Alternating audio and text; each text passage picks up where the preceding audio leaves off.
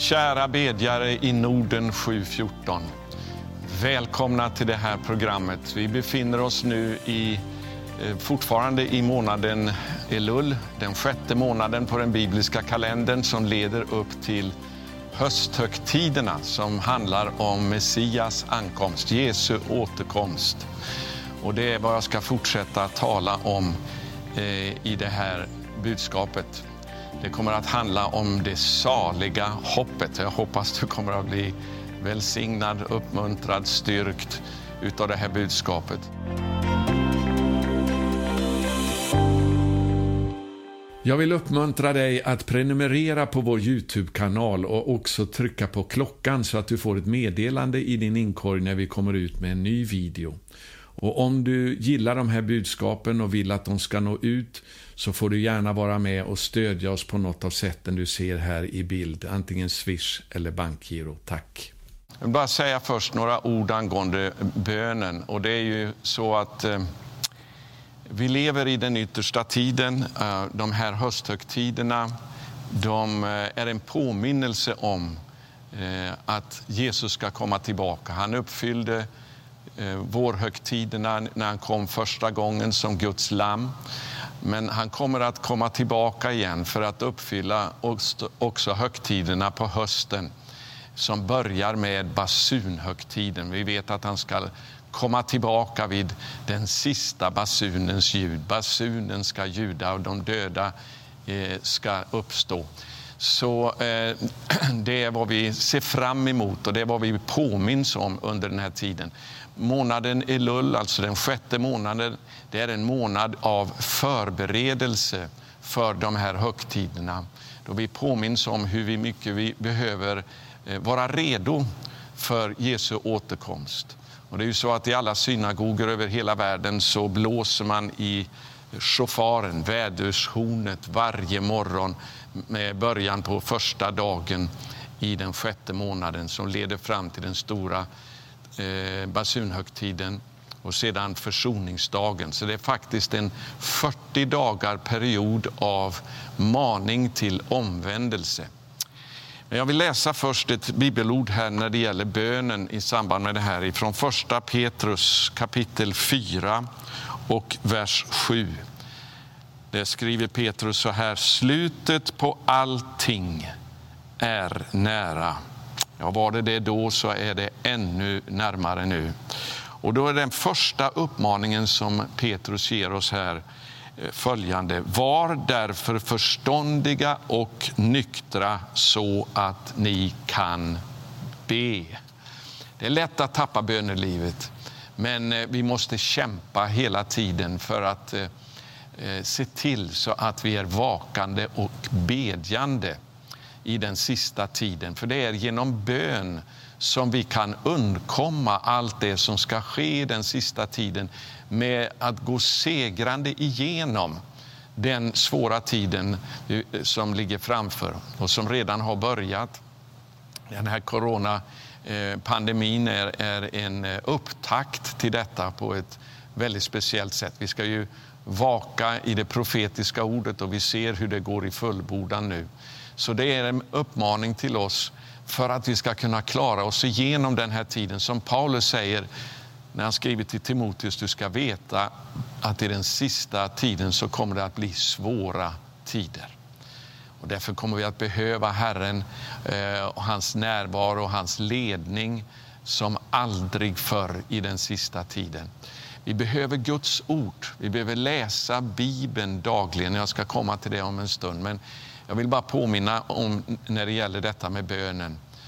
Tack för att du är med i den här bönerörelsen som vi reser upp nu över hela Norden, i Nordens länder. Och jag vill påminna också om att vi eh, kommer att ha nästa nordiska bönekonferens i Helsingfors den 6-8 november. Jag kommer att eh, återkomma med mer information om det.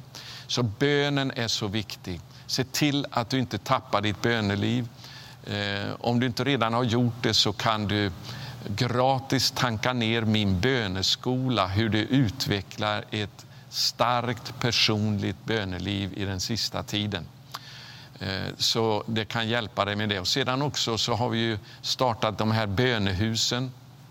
Vi håller fortfarande på och organiserar oss med det, men det är en, Eh, över 40 stycken eh, bönehus nu utöver Skandinavien. Du kan gå till vår hemsida norden714.com eh, och anmäla dig. För Det är viktigt också att vi kommer tillsammans att be regelbundet är så att när vi samlas för att be så blir styrkan av den bönen beroende av det personliga bönelivet som var och en har.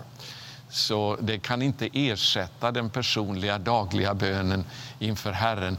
Men det är eh, saker och ting som kan åstadkommas genom gemensam bön som, eh, inte, som är utöver faktiskt det när vi beder själva. Så eh, om du inte redan har gjort det, anmäl gärna din bönegrupp på vår hemsida norden714.com. Och vi kommer att se till att uppmuntra dig framöver i de samlingarna ni kommer att ha. Så tillbaka då till ämnet nu för det här budskapet, det saliga hoppet. Vi ska läsa ifrån Titus brev eh, i det andra kapitlet från vers 11. Eh, och eh, det står så här, jag läser i Folkbibeln 1998 års översättning. Ty Guds nåd har uppenbarats till frälsning. Är du inte glad för att det finns nåd till frälsning? Men inte bara till frälsning och pånyttfödelse utan också, eh, det står till frälsning för alla människor, utan också nästa vers. Den nåden alltså fostrar oss, den ger oss kraft och förmåga att säga nej till ogudaktighet och världsliga begär och att leva anständigt, rättfärdigt och gudfruktigt i den tid som nu är. Låt mig bara säga det innan jag går vidare här. Den sista tiden kommer att karaktäriseras av det precis rakt motsatta till det som Paulus räknar upp här. Den kommer att vara genomsyrad utav världsliga, kötsliga begär som kommer att locka oss dag och natt, 24 timmar om dygnet. Den kommer att vara karaktäriserad av oanständighet, av orättfärdighet och ogudaktighet. Men Guds nåd finns tillgänglig för oss att gå segrande genom det här, att kunna övervinna allt det här. Och hur får vi del av Guds nåd? Ja, det första är ju där det står att Gud står emot de högmodiga, men de ödmjuka ger han nåd. Och Det andra är att nåden den växer till i våra liv utifrån kunskapen av vår Herre och Frälsare Jeshua Messias, Jesus Kristus. Det är vad Petrus skriver om eh, i sitt brev. Vi ska titta på det faktiskt här också så att vi får med det. Andra Petrus brev eh, kapitel eh, 1 och vers 2. Må nåd och frid i ännu rikare mått komma er till del genom kunskapen om Gud och vår Herre Jesus. Hur får vi den kunskapen? Genom ordet, och genom att vi umgås med honom i bön. Så det finns nåd genom ordet, det finns nåd genom bönen till att bli en övervinnare. Och Det är utmaningen för oss allesammans. Och så står det då i nästa vers, vers 13 här i Titus kapitel 2. Medan vi väntar på, och vi ska ivrigt vänta på detta vänner, på det saliga hoppet att vår store Gud och frälsare Jesus Kristus skall träda fram i härlighet. Så det här är det saliga hoppet. Och, eh, ordet salig är ju ett gammalt eh, ord som inte används i dagligt tal idag längre. Men eh, ordet salig har ju med glädje, med överflödande glädje, med lycka och med välsignelse att göra. Någon har sagt att det kan översättas med uttrycket sjufalt lycklig. Det är vad det handlar om. Alltså det, vi ska vänta på det sjufalt lyckliga hoppet. Eh, jag ska ta några fler synonymer här. Alltså lycka, glädje och välsignelse, sjufalt lycklig. Cell, överlycklig, upprymd, lycksalig. Och så har det också eh, en koppling till himmelsk, ja även paradisisk. Det tycker jag om. Jag hittade det eh, på, i en eh, ordbok. Eh, vi väntar på det paradisiska hoppet. Amen, halleluja.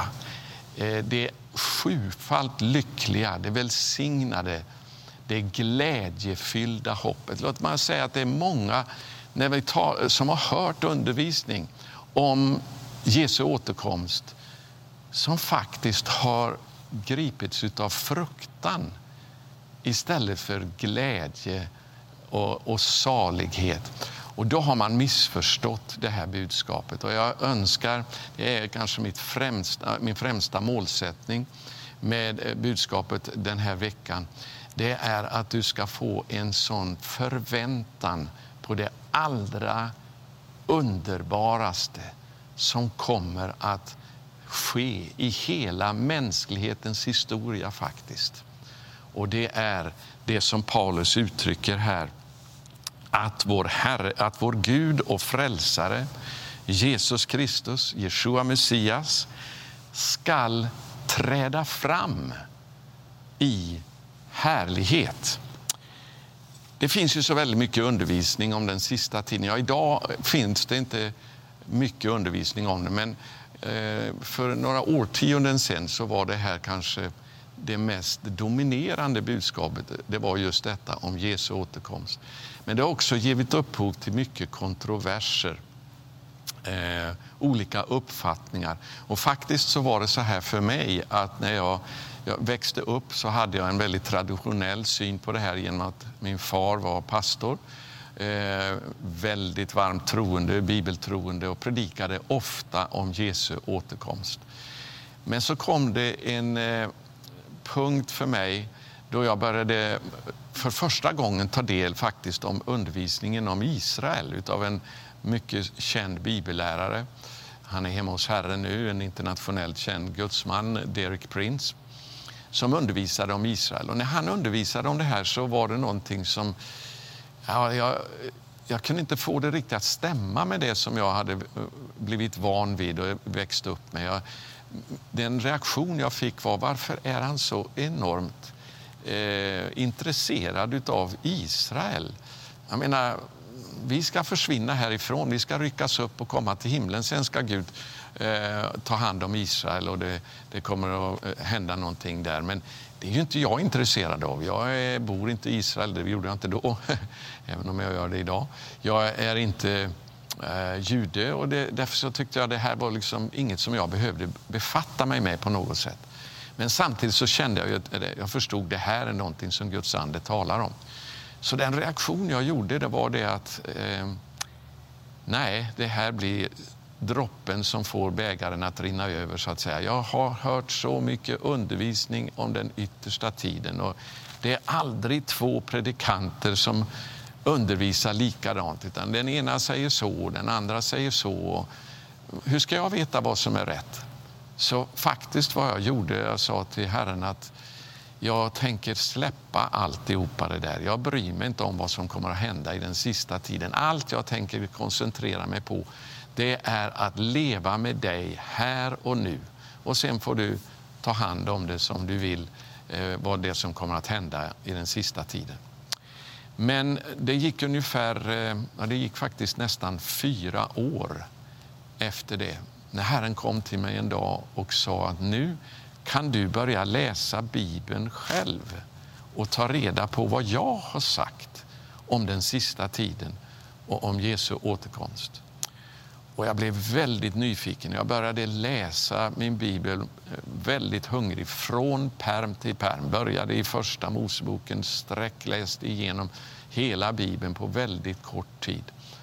Och då fick jag ett perspektiv på det här med Jesu återkomst som jag inte hade haft tidigare, men som jag har eh, bevarat ända sedan dess. Jag har aldrig ändrat på det. Och Det är mitt viktigaste syfte faktiskt med det här budskapet. Det är att inte kanske gå in på teologiska detaljer eh, utan bara ge ett stort övergripande perspektiv ifrån Bibeln på det som kommer att hända när Jesus kommer tillbaka.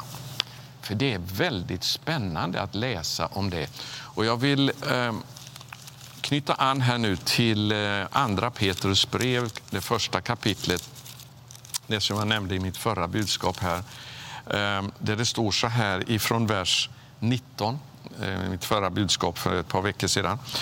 Det står så här, Petrus skriver, så mycket fastare står nu det profetiska ordet för oss. Och ni gör rätt i att hålla er till det. Det är väldigt viktigt att se, alltså, inte bara, det kan också översättas ni gör väl i. Det vill säga det är en varm, eh, stark rekommendation från Petrus här att vi ska hålla oss till det profetiska ordet. Vi ska studera det noggrant, iaktta det. Vad säger Bibeln om det som kommer att hända när Jesus kommer tillbaka?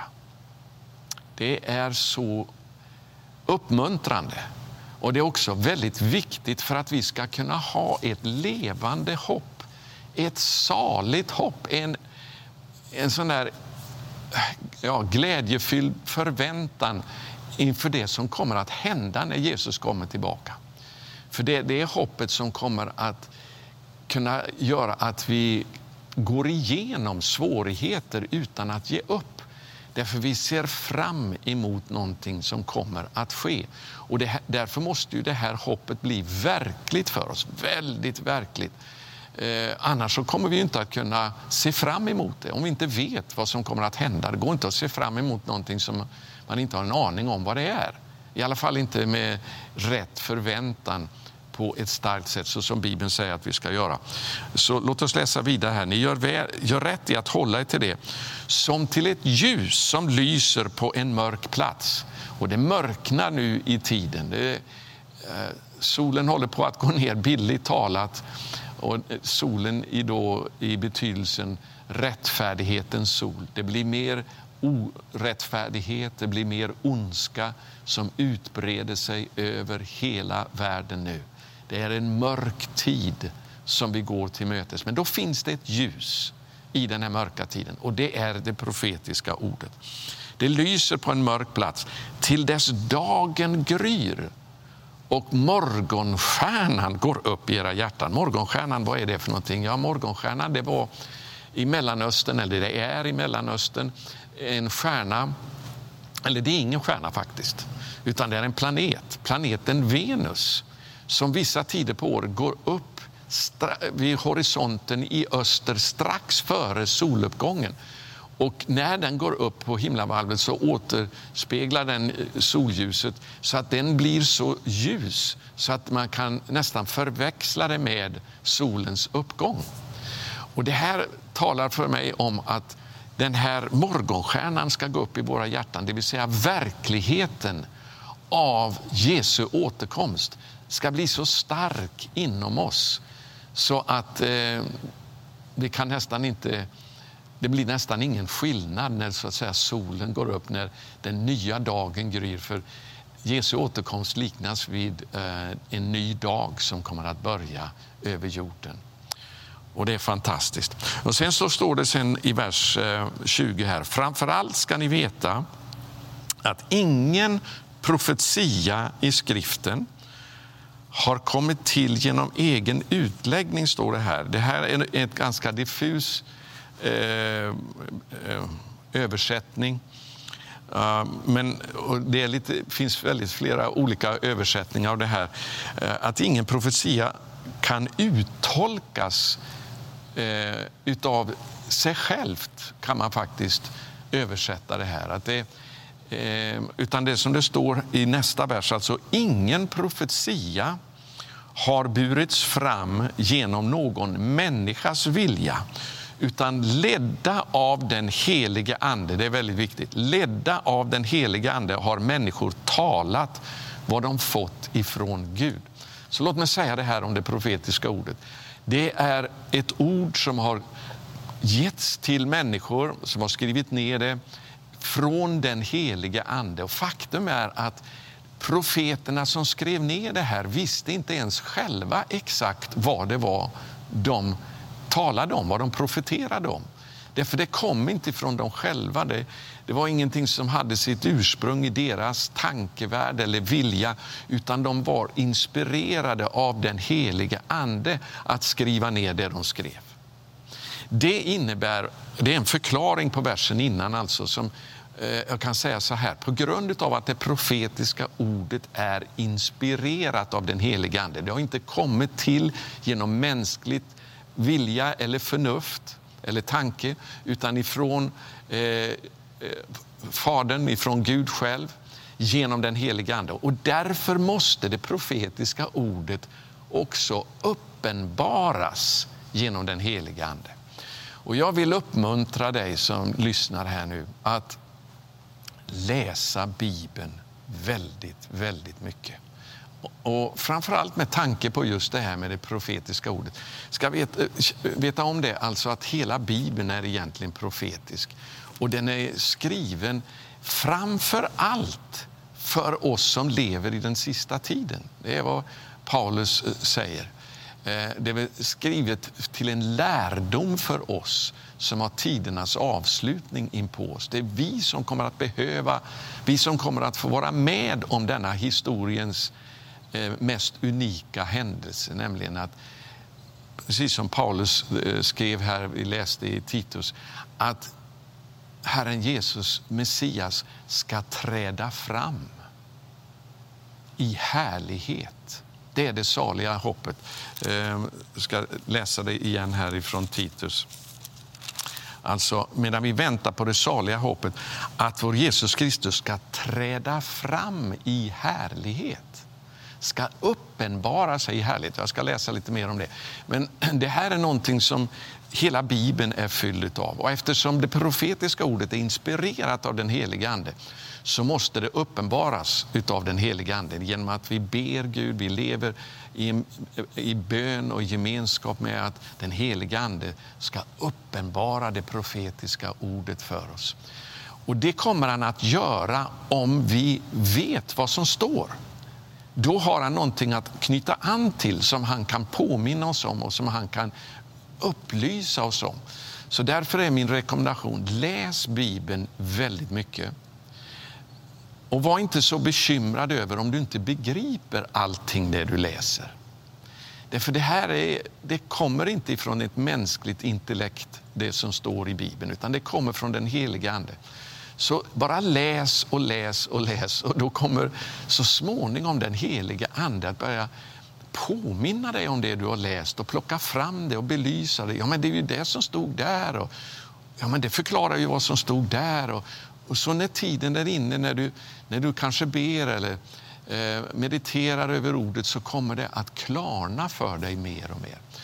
Eh, jag fick reda på nu häromdagen att det har kommit ut en ny spännande film om Jesu återkomst som man har producerat i Amerika.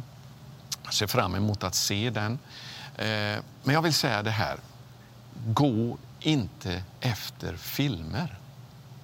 Hur fantastiska de än är, eller intressanta och spännande. Låt ordet få tala till dig. Och Jag tänker i det här budskapet inte tala teologi till dig teorier om, utan jag kommer bara att lyfta fram vad Bibeln säger. Jag ber att den heliga Ande ska, ska ta eh, och eh, eh, upplysa dig i ditt hjärta på ett sådant sätt att du kommer att få en uppenbarelse om vad det är som kommer att ske. Så det saliga hoppet här, alltså nu tänker jag inte gå emot någon speciell teologisk uppfattning om den sista tiden. Eh, och speciellt inte när det gäller uppryckandet. Eh, för det finns mycket kontroverser om det. När kommer det att ske och så vidare. Men jag vill lyfta fram Bibelns perspektiv på det här. Och då vill jag säga så här. Det är många som har predikat att det saliga hoppet som vi väntar på är att vi ska försvinna härifrån. Att vi ska ryckas upp men det är inte vad Paulus talar om här som det saliga hoppet. Jag tror på uppryckandet och jag ser fram emot uppryckandet. Och jag tycker det är fantastisk uppenbarelse från Guds ord. Tänk vad fantastiskt att när Jesus kommer så kommer vi att ryckas upp för att möta honom. Det är så det står i första Thessalonikerbrevet 4. Men fokuset ligger inte på att vi rycks upp för att möta honom. Fokuset ligger på att han kommer. Inte att vi försvinner, utan att han kommer. Att han träder fram på ett synligt sätt. Alltså. Han kommer att träda fram och han kommer att göra det i härlighet. Det är väldigt viktigt, för eh, det är det här som kommer att ge oss det här eh, brinnande, intensiva hoppet i våra hjärtan eh, inför det som, som ligger framför med Jesu återkomst. Alltså det, det, är inte att vi försvinner, utan att han kommer. Det är det vi ska se fram emot. Och vi ska läsa om det här framträdandet i härlighet ifrån Matteus kapitel 24, vers 30 och 31. För här beskriver eh, evangelisten Matteus just detta. Eller det är Jesus själv som talar de här orden. Och vi ska läsa eh, faktiskt ifrån vers 29 först. Strax efter de dagarnas nöd ska solen förmörkas och månen inte ge sitt sken. Eh, det kommer att bli mörkt på himlen. Och Det är vad basunhögtiden faktiskt också profeterar om. För det är som jag sa i mitt tidigare budskap, basunhögtiden är den enda av Herrens högtider som infaller just när det är mörkt på himlen. Det finns inget månljus och det är månen som lyser upp natten. Eh, alla andra högtider de firas runt eh, fullmåne i mitten på den, den bibliska månaden. Men basunhögtiden den inträffar när månen är dold, det är mörkt. Stjärnorna ska falla från himlen och himlens krafter ska skakas. Då ska Människosonens tecken synas på himlen och jordens alla folk skall jämra sig när de ser Människosonen komma på himlens moln med stor makt och härlighet. Det är precis det som Paulus talade om där i eh, Titus. Att eh, vår Herre Jesus Kristus ska träda fram i härlighet. Han ska alltså komma på himlens moln i stor makt och härlighet. Och Det kommer att ske med starkt basunljud som han kommer att sända ut sina änglar och det ska samla hans utvalda från de fyra väderstrecken från himlens ena ände till den andra. Ehm, och Det här kommer alltså att vara någonting som kommer att få hela världens uppmärksamhet. Bibeln talar om att Jesus ska komma som en tjuv om natten. Eh, men jag ska läsa några bibelställen om det som visar att det innebär inte att han kommer osynligt eh, eller att han kommer eh, på ett sådant sätt att ingen kommer att märka det. För just de texterna som handlar om att han kommer att komma som en tjuv de visar väldigt tydligt att det är någonting som kommer att vara väldigt uppenbart samtidigt. Så liknelsen av att han kommer som en tjuv, det är bara därför att han kommer att komma överraskande för dem som inte tror på honom och som inte har förväntat sig att han skulle komma. Det kommer att komma som en fullständig chock. Ska vi titta på det här i Andra Petrus brev, det tredje kapitlet. Eh, där det står så här. Um, men Herrens dag, det är i vers 10 här. Herrens dag kommer som en tjuv. Och då ska himlarna, lyssna på vad som står här nu, då ska himlarna försvinna väldigt tyst och stilla. Så där. Nej, då ska himlarna försvinna under våldsamt dån. Och likadant så står det alltså, så det kommer att vara något som kommer att uppmärksammas av hela världen. Det kan vi vara helt säkra på. Eh, och I första Thessalonikerbrevet 4 så läser vi eh, om det här också. Eh, den klassiska texten. i vers 16. Ty när en befallning ljuder, på engelskan står det ett a shout, vid ett rop. Det är en stor befallning och en ärkeängels röst och en Guds basun. Jag ska blåsa i, basun här eh, innan jag avslutar. Eh, och det är, alltså är det någonting som en basun karaktäriseras av så är det att den är väldigt högljudd. Jesus ska komma vid basunens ljud. En basun som alla kommer att höra vid ett rop ifrån himlen, vid en ärkeängels röst och en Guds basun. Då ska Herren själv stiga ner från himlen och först ska det som dött i Kristus Jesus uppstå. Därefter ska vi som lever, och här har du alltså, och är kvar, ryckas upp bland molnen tillsammans med dem för att möta Herren i rymden. I rymden finns inga moln, så det där är lite missvisande. Vi ska möta honom när han kommer på molnen. Okay? Eh, och så ska vi alltid få vara hos Herren. Det här ordet som används om Jesu ankomst på det här sättet det är det grekiska ordet parousia. Och det här ordet parousia, jag ska läsa lite grann vad det handlar om. Det handlar om eh, i första hand faktiskt närvaro, men det, eh, det används om Jesu återkomst. Eh, just det här ordet nämligen som eh, på grekiska på den tiden användes om en kejsares ankomst eller en hög dignitärs ankomst till en stad. Till exempel när kejsaren kom till Rom. Och vad som hände då det var ju att eh, de som då var hans anhängare och verkligen var supporters, de som hörde till hans hejarklack så att säga, de gick alltid ut ur staden för att möta kejsaren utanför stan för att de skulle kunna vara med honom när han gjorde sitt triumferande intåg i Rom. Det var, en, det var ju liksom någonting som man ville visa då att man var med i segertåget, i segerföljet. Och det är det ordet som används just om detta med att Jesus ska komma och då vi ska rycka honom till mötes. Det var inte så att när kejsaren kom så kom de ut ur Rom eh, och så mötte de kejsaren och sen stack kejsaren iväg med dem någonstans. Nej, alltså det är ju, det är ju inte eh, överhuvudtaget någonting som ingår i det här begreppet utav eh, ankomst, på grekiska. Utan var någonting att de kom ut att möta honom för att vara med honom vid hans ankomst. Eh, så att eh, vi ska få ryckas upp i molnen så att vi kommer tillsammans med honom när han, när han kommer tillbaka hit. Va?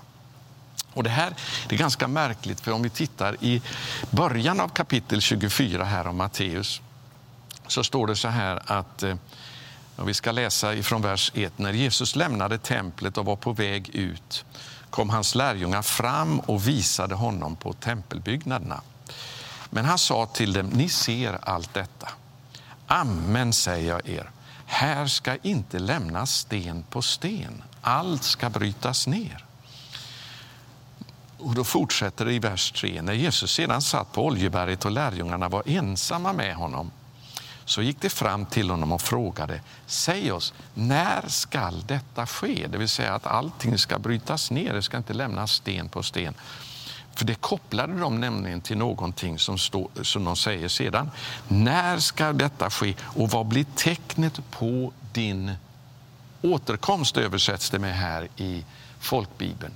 Men det är också lite missvisande faktiskt, även om det handlar om Jesu återkomst. Men lärjungarna hade ingen aning om vid det här tillfället att Jesus skulle dö uppstå från de döda, fara upp till himlen och sedan komma tillbaka därifrån. Det vet vi ju när vi läser evangelierna om hans uppståndelse det kom ju, och hans korsfästelse. Det var en, någonting som var fördolt för dem, det var en överraskning för dem. De kände inte till det här.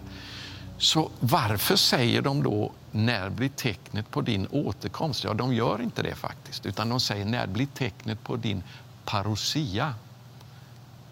Med betydelsen alltså när blir tecknet på att du kommer att visa dig i din härlighet som Messias, som konungarnas konung och herrarnas herre.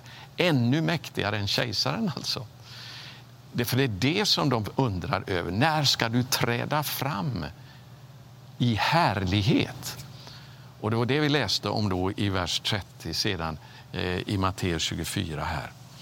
Och då är det det som är tidsålderns slut. Så vi, vad vi väntar på det är precis det som uh, lärjungarna också var så intresserade av här. När, vad blir tecknet på ditt framträdande i härlighet som konungarnas konung och herrarnas herre? Och det som jag sa i det tidigare budskapet om basunhögtiden, att temat för basunhögtiden, det är just när Gud träder fram som konung över hela jorden genom sin Messias. Och det kommer han att göra vid basunens ljud. Och när den basunen ljuder kommer de döda att uppstå och så kommer vi som då lever och är kvar att bli uppryckta tillsammans med dem för att vara med honom i luften som det stod i 1917 års översättning eller i rymden som det står i folkbibeln i molnen för att vara med honom när han kommer med molnen. Alltså det, jag ska läsa det här alltså igen i vers 30. Då ska Människosonens tecken synas på himlen och jordens alla folk ska jämra sig när de ser Människosonen komma på himlens moln med stor makt och härlighet. Och då ska han med starkt basunljud sända ut sina änglar och samla sina utvalda. Vi är ju, Paulus talar ju eh, ofta om detta. Han skriver att ni är de utvalda, de utvalda som bor i Korint, de utvalda som bor i Rom och så vidare. Vi är hans utvalda. Vi kommer att församlas från de fyra väderstrecken eh, från himlens ena ände till den andra när han kommer i stor makt och härlighet. Jag bara försöker förklara Bibeln. Jag hoppas du förstår det. Jag, jag, är inte ute efter att komma med någon teologi. Du får gärna ha den, vilken teologi du vill om det här, men bara vara öppen för vad bara Bibeln säger om detta med vårt saliga hopp som vi ser fram emot. Halleluja! Och det är att Messias ska träda fram i härlighet.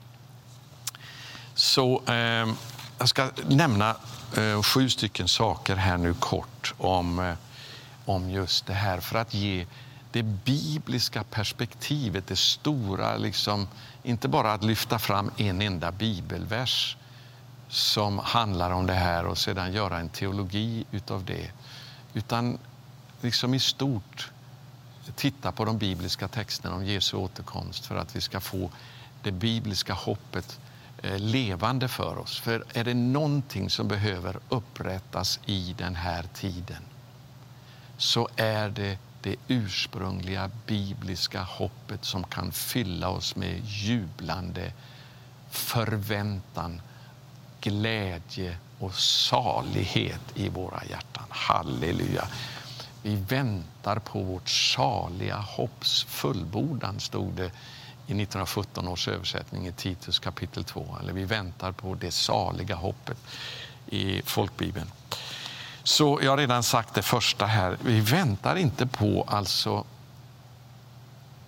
Vi har inte fokus på, ska jag säga, uppryckandet att vi ska försvinna, utan vi har fokus på att han ska komma och träda fram i härlighet. För det, det, när vi ska få se honom som han är och vi kommer att förvandlas och bli lik honom. Det, det är det vi ser fram emot. Det bibliska hoppet det handlar om att Jesus ska komma. Det framställs inte som att vi ska försvinna. Okay? Eh, och för det andra, så det handlar inte om en evakuering härifrån. Utan det handlar om en, alltså en evakuering från jorden. Utan det handlar om en invasion ifrån himlen. Alltså, Jesus ska uppenbara sig i sin härlighet som konungarnas konung och herrarnas herre för att ta över. Och nu är det en del som har en, en uppfattning då om att vi ska ryckas upp sju år innan detta och, och, och, så vidare. Kanske var då i molnen eller himlen i sju år innan han trädde fram. Du får gärna ha den uppfattningen om du vill. Jag bara vill belysa det som Bibeln säger om det här. Att det saliga hoppet vi väntar på det är när han träder fram i härlighet som konungarnas konung och herrarnas herre för att döma den här världen. Döma den här världens ogudaktighet, ondska. Han kommer att rena hela jorden ifrån detta Eh, med sina straffdomar. Men eh, när han kommer så kommer inte de här straffdomarna att drabba oss utan vi kommer att ryckas upp för att möta honom så att vi inte är med om de här straffdomarna. Vi kommer att räddas ifrån dem och det är ju det underbara som vi ser fram emot. Vi väntar på, inte evakueringen från jorden, men invasionen från himlen. Nämligen att Jesus ska komma och sätta sig på sin härlighetstron. Eh, och det är det här som Matteus 24 handlar om. För det tredje, vi väntar på en enormt triumferande seger över ondskan. Det är vi som följer Jesus och känner honom, blivit födda på nytt och fyllda med den helige Ande. Det är vi som kommer att segra och ta över världen. Det är djävulen som kommer att förlora och som kommer att kastas ut härifrån. Han kommer att bindas först i tusen år och därefter släppas lös en kort tid för att sedan brinna i helvetet, i avgrunden, i evigheternas evigheter. Så det är väldigt viktigt att vi har det här, det här hoppet alltså att vi vinner. Det är Jesus som kommer att ta över. Djävulen förlorar. Han kommer att ge sig av, han kommer att försvinna. Och Det är därför som Lukas talar om, eh, eller Jesus säger i Lukas rättare sagt, i kapitel 21 att när ni ser de här tecknen på hans återkomst, eh, svårigheterna som kommer att drabba jorden, så står det att ifrån vers 26 där i Lukas 21 att människorna ska ge upp andan av skräck i väntan på det som ska komma över världen, ty himlens makter skall skakas. Och då ska man få se Människosonen komma i ett moln med stor makt och härlighet. Det är det saliga hoppets fullbordan som Paulus talar om. Halleluja! Och då står det i nästa vers. Men när detta börjar att ske, räta på er, lyft upp era huvuden, ty då närmar sig er förlossning. Paulus talar om detta som vår kropps förlossning vår kropps frälsning. Vi är ju frälsta nu till vår eh, ande. Vi har blivit födda på nytt i vår ande och vi genomgår en helgelseprocess i själen. Men vi väntar på att också vår kropp ska bli förlossad, att vi ska få våra förhärligade eviga kroppar som aldrig kan eh, brytas ner, aldrig kommer att... Våra oförgängliga eh, kroppar. Sug på det ett tag. Halleluja. Och Det är ju därför då, det vi ser tecknen på att det här närmar sig som vi inte ska gripas av skräck, som människorna som inte vet vad som pågår, så de till och med kommer att dö av ångest. Nej, det ska inte vi göra, för det behöver vi inte göra eftersom vi har ett sånt levande, saligt hopp. Det är det här vi ska meditera över, det som kommer att hända när Jesus kommer tillbaka. Då vi kommer att ryckas upp för att möta honom och sedan bli fullständigt förvandlade till att bli lika honom. Även till våra kroppar. Vi ska få våra förhärligade, oförgängligade, oförgängliga kroppar. Det är vad Bibeln talar om. Halleluja. Så det är en enorm triumf för rättfärdighet vi ser fram emot. Att ondskan ska få ett slut att ja, det här hemska som nu pågår skall gå under och, och eh, dömas av Jesus när han kommer. Och Det fjärde jag vill säga är, vi ska gå tillbaka till Matteus 24 eh, där det står i eh, vers 6 8. Ni kommer att få höra stridslarm och rykten om krig.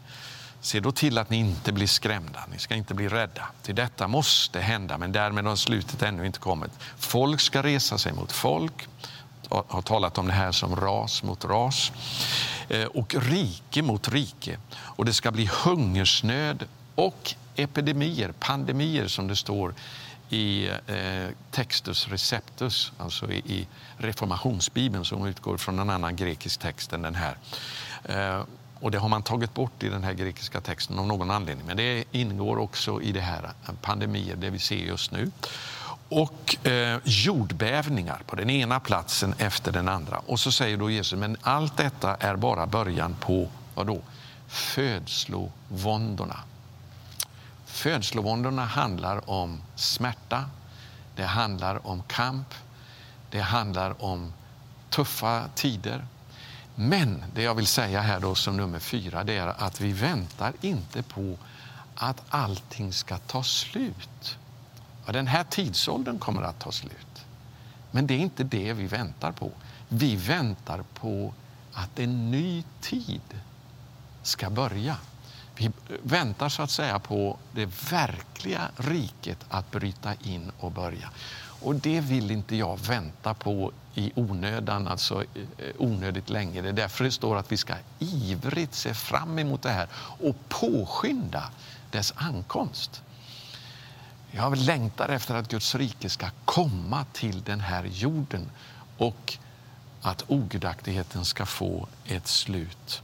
Halleluja! Så det här med födslovåndor det visar att vi börjar, vi väntar på en begynnelse av någonting nytt. Eh, och det femte, då ska vi gå till eh, Apostlagärningarna kapitel 3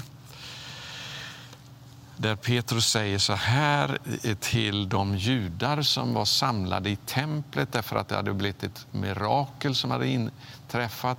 En lam man från födseln, 40 år gammal, fick plötsligt eh, styrka i benen, blev mirakulöst helad och började springa omkring och hoppa och jubla. Det här väckte uppmärksamhet. Folk strömmade till och undrade vad är det här för någonting. Och Petrus säger då att eh, varför tittar ni på oss som vi har gjort det här? Det, här det är tron på Jesus som har åstadkommit det här. Den Jesus som ni korsfäste. Och så säger han från vers 17, jag vet att ni inte visste vad ni gjorde när ni korsfäste honom. Men eh, vers 18, Gud har på detta sätt låtit det gå i uppfyllelse som han redan hade förutsagt genom alla sina profeter att hans Messias skulle lida. Vers 19. Ångra er därför och vänd om så att era synder blir förlåtna eller utplånade, står det här. Och vad då? Jo, när det judiska folket omvänder sig då kommer det också tider av vederkvickelse från Herren. Från Herrens ansikte, från hans ande genom att han sänder sin Messias som är bestämd för er eh, alltså att han, då kommer tider av vederkvickelse genom att han sänder Messias som är bestämd för er, nämligen Jesus. Och så står det i vers 21 så här, honom måste himlen ta emot tills de tider kommer då allt det blir återupprättat som Gud har förkunnat genom sina heliga profeters mun från urminnets tid. Så det här alltså, vi väntar inte på att allting bara ska eh, ta slut. Eh, utan vi väntar på, alltså, och inte heller på att vi väntar på en, vad ska man säga, en stor kärnvapenexplosion eller någonting så här eh, som gör att jorden går under. Det är ett bra sätt att uttrycka det så. Vi väntar inte på jordens undergång.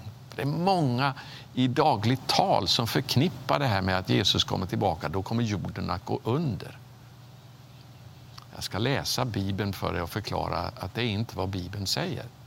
Jorden kommer att förvandlas genom att allting kommer att bli återupprättat, som Petrus säger här. Som Gud äh, honom, alltså Jesus, måste himlen ta emot eller behålla tills det tider kommer då allt blir återupprättat som Gud har förkunnat. Det är återupprättelsen av allt in i ett tillstånd av ett paradis på jorden. Det är vad Bibeln talar om. Eh, om vi går tillbaka till Matteus kapitel 19. Och det handlar ju inte som någon, eh, jag såg ställde en fråga, jag hinner inte svara på frågorna på Youtube, men eh, det handlar inte om att alla människor ska bli frälsta, men det handlar om att jorden kommer att bli född på nytt in i en ny tidsålder av härlighet. Lyssna. Eh, det står alltså i Jesaja kapitel 11 att hela jorden ska bli fylld av Herrens härlighetskunskap så som havet är fullt av vatten. Är det någonstans i havet det inte finns vatten? Nej, naturligtvis inte. Så fullständigt kommer jorden Alltså den kommer inte att gå under, utan den kommer att bli återupprättad, den kommer att bli förvandlad och bli fylld med Guds härlighet. Det handlar inte om någon väckelse här eller där, där människor blir frälsta. Det handlar om en total förvandling. Ja, faktiskt, som det står i Matteus 19, som jag vill återigen anknyta till, att hela jorden eller världen ska bli född på nytt. Inte världens befolkning. De ogudaktiga som inte är redo när Jesus kommer tillbaka, de kommer att gå under. Och därför är det så viktigt att proklamera evangeliet så att folk omvänder sig från avgudarna till att tjäna den levande guden och vänta på hans son från himlen. Låt oss läsa nu Matteus kapitel 19 och 28. Var det står så här. Jesus sa till dem. Amen säger jag er, vid pånyttfödelsen. Och det kan alltså också översättas som i den äldre svenska 1917 års översättning när världen föds på nytt. Då hela skapelsen kommer att befrias ifrån sin eh, förgängelse, från eh, sin, alltså den förbannelse som nu faktiskt ligger över skapelsen. Den lider under den förgängelse, det är det ordet som används av Paulus i Romarbrevet 8.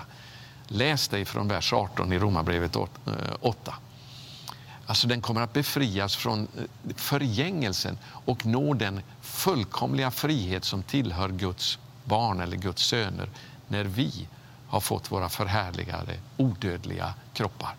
Då kommer hela världen att födas på nytt. Det står så vid pånyttfödelsen när Människosonen sätter sig på sin härlighetstron. Han kommer att komma i stor makt och härlighet på molnen, precis som han försvann med molnen, som lärjungarna såg när de tittade upp och han försvann ifrån deras åsyn med molnen. Kommer han på samma sätt tillbaka, så änglarna, med molnen och han kommer till Jerusalem för att sätta sig på sin härlighetstron i Jerusalem. Och då kommer hela världen att födas på nytt in i Guds rike. Sagor? Nej. Det var det här som Petrus sa när han fick se Jesus i sin kommande härlighet. Vi följer inte några myter eller sagor. Vi var ögonvittnen till hans majestät när vi såg honom i hans kommande, i hans parousia, i hans framträdande i härlighet. Det fick de en glimt av på förklaringsberget. Och då eh, säger han att så mycket fastare står nu det profetiska ordet. Det som jag talar om här, det profetiska ordet som handlar om det här. Mm, Petrus, Jakob och Johannes fick med sina ögon se en, en försmak av det här på förklaringsberget.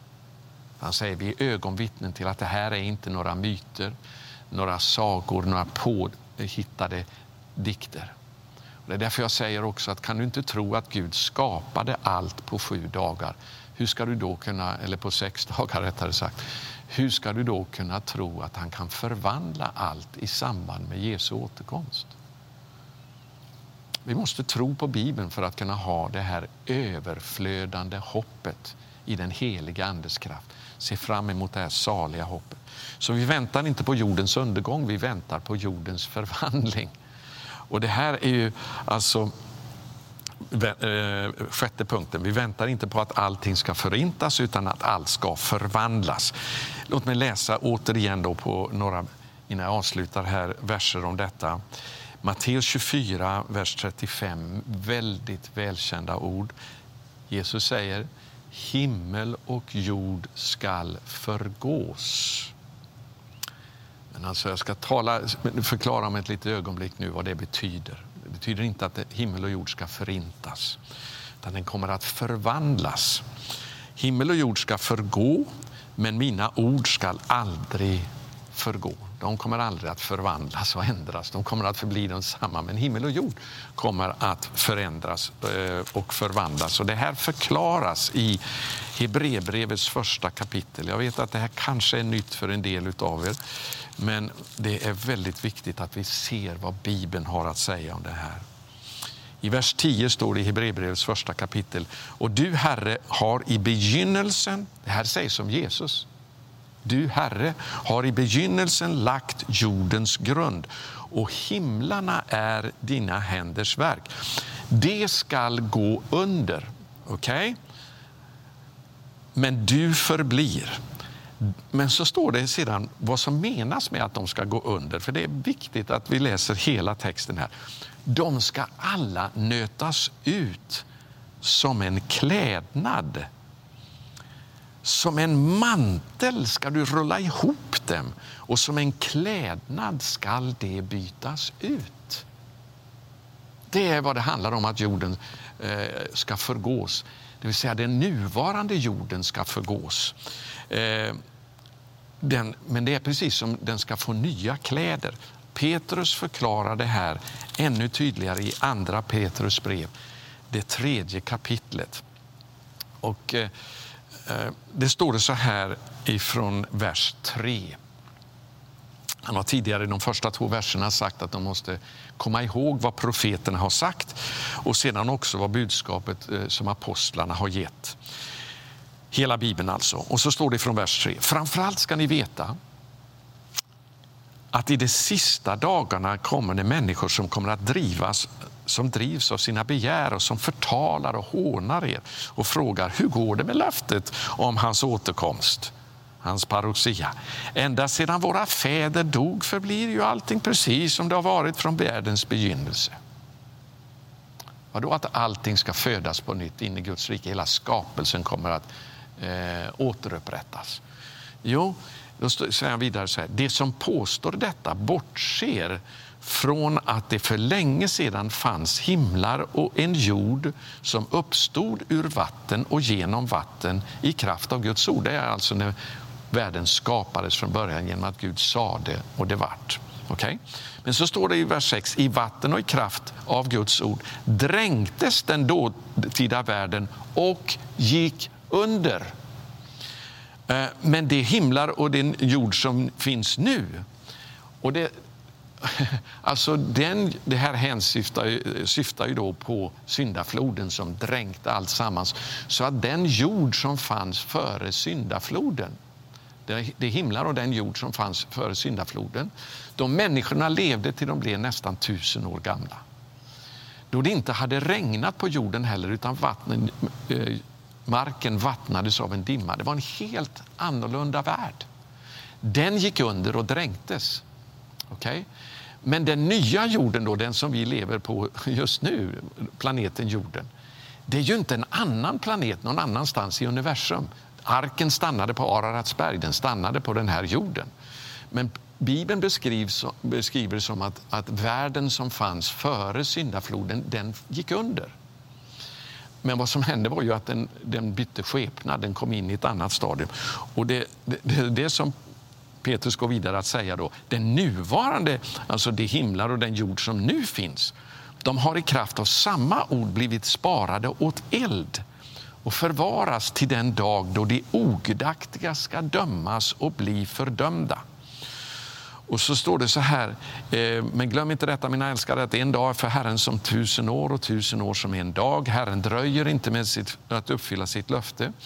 Eh, så att, eh, som en del menar, nej han har tålamod med er eftersom han inte vill att någon ska gå förlorad utan att alla ska få tid att omvända sig. Men det kommer en dag alltså då tiden är ute. Och då står det så här, men Herrens dag kommer som en tjuv, plötsligt, överraskande, men inte osynligt. alltså. Tjuven kommer att bryta in. Eh, alltså Jesus är ju ingen tjuv, så det är inte i den bemärkelsen heller som, som han kommer att komma som en tjuv. Han kommer att komma som den rättmätige ägaren. Men han kommer överraskande, precis som en tjuv alltid kommer överraskande. Okej? Okay? Förväntas man att en tjuv kan komma, ja, då, eller att han kommer, då kommer han ju att misslyckas. All right? Eh, och då skall himlarna försvinna.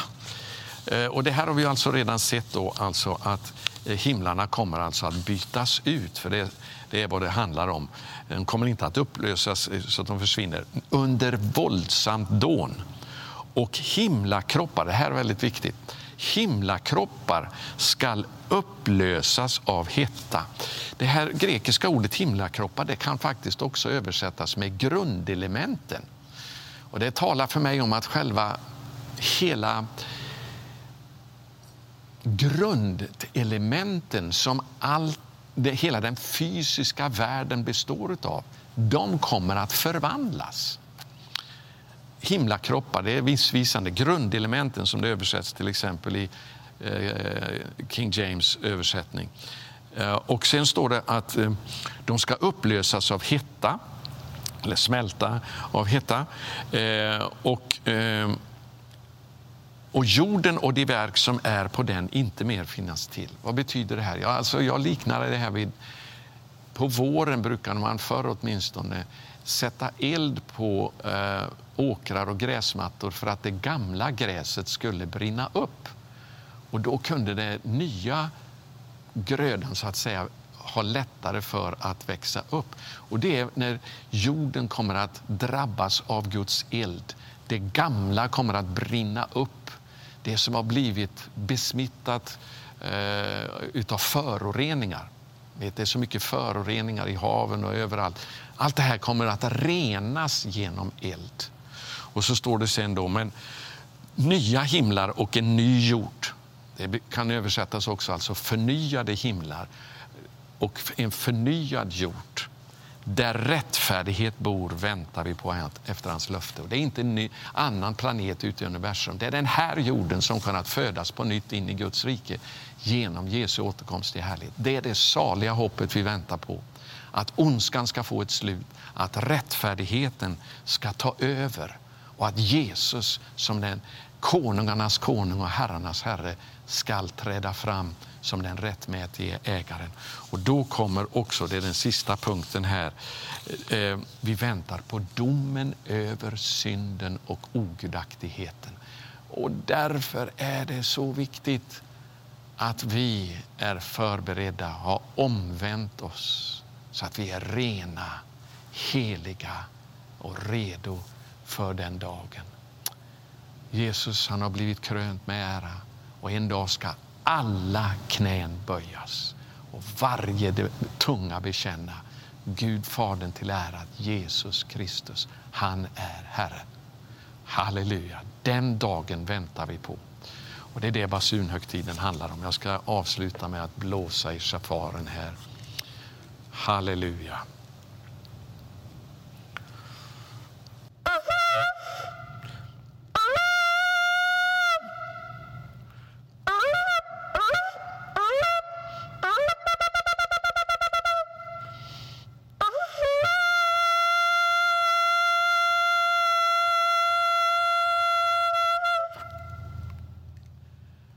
Fader i himmelen, vi tackar dig för att basunen ska ljuda.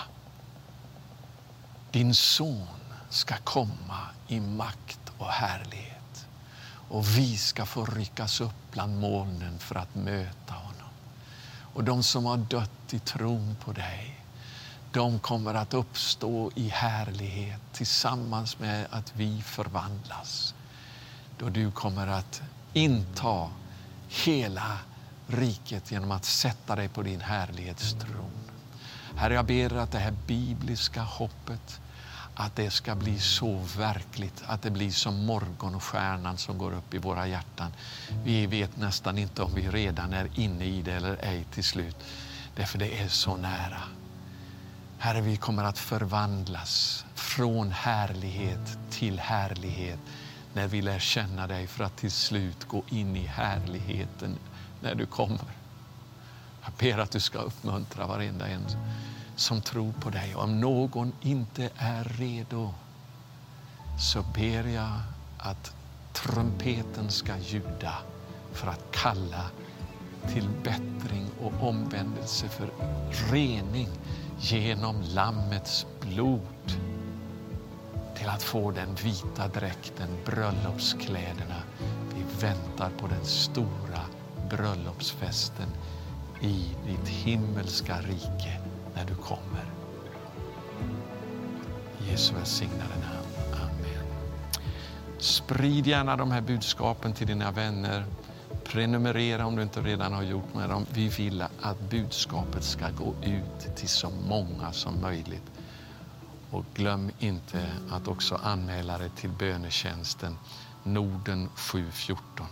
Det är faktiskt det säkraste sättet som du får de här eh, videobudskapen. För Youtube är ingenting att lita på. Även om du prenumererar på dem så är det inte alltid de kommer fram faktiskt.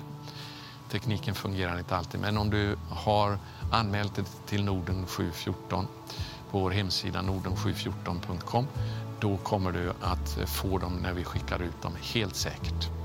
Gud välsigne dig. Vi hörs igen snart.